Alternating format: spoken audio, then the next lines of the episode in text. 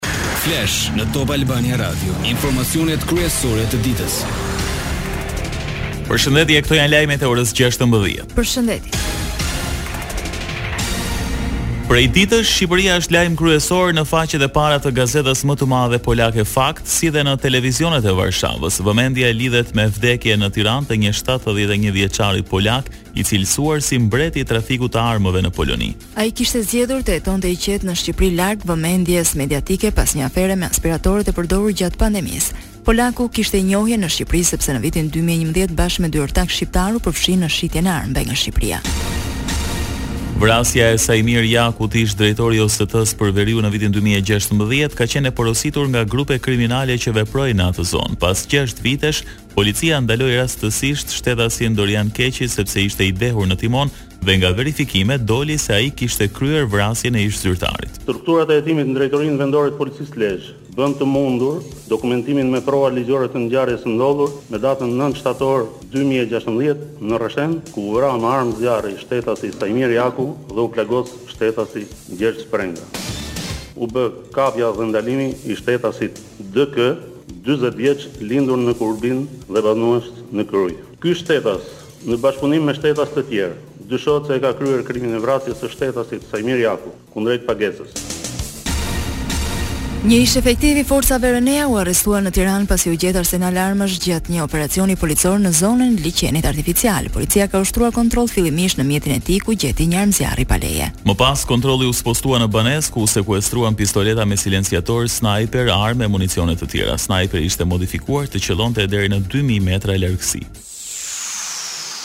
Lajmet në internet në adresën www.topalbaniaradio.com. Dekretimi i ndryshimeve në qeveri është akti i parë që përmbush Bajram Begaj në postin e presidentit të Republikës. Kreu i shtetit dekretoi sot shkarkimin nga detyra të Arben Ahmetajt, i zëvendësuar nga Belinda Balluku si zëvendës kryeministre përpos detyrës që mban të ministres së Infrastrukturës dhe Energjisë. Presidenti i Republikës pranoi dhe propozimin e Majlinda Dhukës si ministër shteti dhe kryenegociatore me BE-në. Ndërkaq e enjtja do të jetë dita kur ndryshimet në qeveri me Belinda Ballukun si numrin 2 të saj do të materializohen edhe zyrtarisht. Kuvendi ka përcaktuar seancë të jashtëzakonshme në orën 17 Kryeministri Rama firmosi dje propozimet për presidentin për disa ndryshime në kabinetin qeveritar. Gjithashtu tashmë që Shqipërisë i janë hapur negociatat e anëtarësimit me Bashkimin Evropian, duke u kthyer në përparësi Majlinda Dhuka zëvendëson diplomatin Zef Mazi. Ish-presidenti Ilir Meta doli në konferencën e parë të Partisë së Lirisë një ditë pasi Lëvizja Socialiste për Integrim ndryshoi emrin. Gjatë fjalës së tij nga zyra e re, Meta theksoi domosdoshmërinë e rikthimit të lirisë për të cilën ka marrë edhe emrin partia. Liria, është e majtë apo është e djathtë? Sovraniteti, është i majtë apo është i djathtë? Kushtetuta, është e majtë apo është e djathtë? Është gjithëpërfshirëse, kështu që është një parti patriotike, nuk është një parti nacionaliste. Por a do të bojkotojë partia e drejtuar nga Ilir Meta zgjedhjet vendore? Për aq kohë sa unë do të jem, lideri i saj, asnjë sekondë nuk do të bojkotojë asnjë gjë në këtë vend. Ish-kreu i shtetit u shpreh se nuk do të lejojë më të ketë devijime nga marrëveshjet politike si ajo e pesë qershorit. Edhe prishja e marrëveshjes së pesë qershorit ka qenë e rakorduar, sepse kur Edi Rama ka prish marrëveshjen e pesë qershorit, e kam thirrur Lulushin hajde këtu ti. Po. Tani.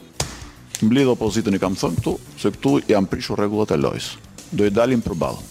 Dhe mos ki merak kam thënë organizimin e bëj unë. Dhe dal unë përballë. Ti vetëm do thuash që ky do të jetë president ta dinë shqiptarët, qoftë se ne fitojmë, ky do të jetë pra president, sepse presidentin parlamenti do ta zgjedhë siç e zgjodhi atë. Dhe ti do të jesh kryeministri thash unë. Pastaj i thash organizimin Merrem vetë. Të gjithë personat që humbasin të gjitha pikët në lejen e drejtimit të automjetit do t'i kthehen sërish ritestimit nga fillimi. Drejtoria e Përgjithshme e Shërbimit të Transportit Rrugor ka bërë me dije se shkelësit e rëndë të rregullave të qarkullimit duhet të regjistrohen nga e para në autoshkollë dhe t'i nënshtrohen më pas testit teori praktikë. Komisioneri i zgjerimit Oliver Varhelyi pohon se situata e krijuar së fundmi me Rusinë ka injektuar energji të reja në vullnetin e bllokut për zgjerim. Shqipëria tregoi vërtet pjekuri me Maqedoninë e Veriut. Tani, megjithatë, Shqipëria mund të vazhdojë vetë. I gjithë procesi i zgjerimit bazohet tek meritat dhe tani gara është e hapur. Kush ofron rezultate i pari do të anëtarësohet në fillim, tha Varhelyi. Lajme nga rajoni. Ministrja për Punë të Jashtme dhe Diasporë në Kosovë, Donika Gërvalla, tha se vendi plotëson të gjitha parakushtet që të aplikojë për statusin e shtetit kandidat në Bashkimin Evropian. Sipas saj, Kosova ka zbatuar pjesën më të madhe të Marrëveshjes së Stabilizim-Asocimit. MSA-ja është marrëveshja e parë kontraktuale dhe e vetmja midis Kosovës dhe BE-së që ka hyrë në fuqi më një prill të vitit dy mijë e gjashtëmbëdhjetë. Është dy pikë katër kilometra e gjatë, hapet sot ura që do të transformojë udhëtimin në Ballkan. Nga sot ura e Peljeshacit e Kroacisë i krijon udhëtarëve mundësinë të shmangin disa pika të kontrollit kufitar. Struktura cilësohet një nga projektet më ambicioze të këtij lloji që kur Zagrebi shpalli pavarësi nga Jugosllavia në një mijë e nëntëqind e nëntëdhjetë e njëshin. Lajme nga bota. Vendet e Bashkimit Evropian kanë rënë dakord për një rregullore emergjente për të reduktuar përdorimin e tyre të gazit këtë dimër, ndërsa Evropa përgatitet për një dimër me furnizime të pasigurta nga Rusia. Ky nuk ishte një mision i pamundur, ministrat kanë arritur një marrëveshje politike për reduktimin e kërkesës për gaz përpara dimrit të ardhshëm, shkroi Çekia. e cila mban dhe presidencën e radhës së BE-së në një postim në Twitter. Një qendër e përbashkët koordinimi për ekspertët, eksportet e grurit ukrainas do të hapet nesër në një ceremoni në Stamboll. Ukraina, Rusia, Turqia dhe Kombet e Bashkuara nënshkruan marrëveshjen javën e kaluar për të rifilluar eksportet e grurit të Ukrainës të cilat kishin ngecur pas pushtimit të Rusisë të nisur më njëzet e katër shkurt. Marrëveshja ngjalli shpresat që kriza ndërkombëtare ushqimore përkeqësuar nga pushtimi rus mund të lehtësohet. Parashikimi i motit. Edhe orët në vijim do të kemi mot me vranësira kalimtare, të cilat më të dukshme do jenë kryesisht në zonat malore, por nuk do krijojnë mundësi për reshe shiu. Temperaturat e ajrit luhaten në vlera ditore nga shtatëmbëdhjetë në dyzet gradë Celsius.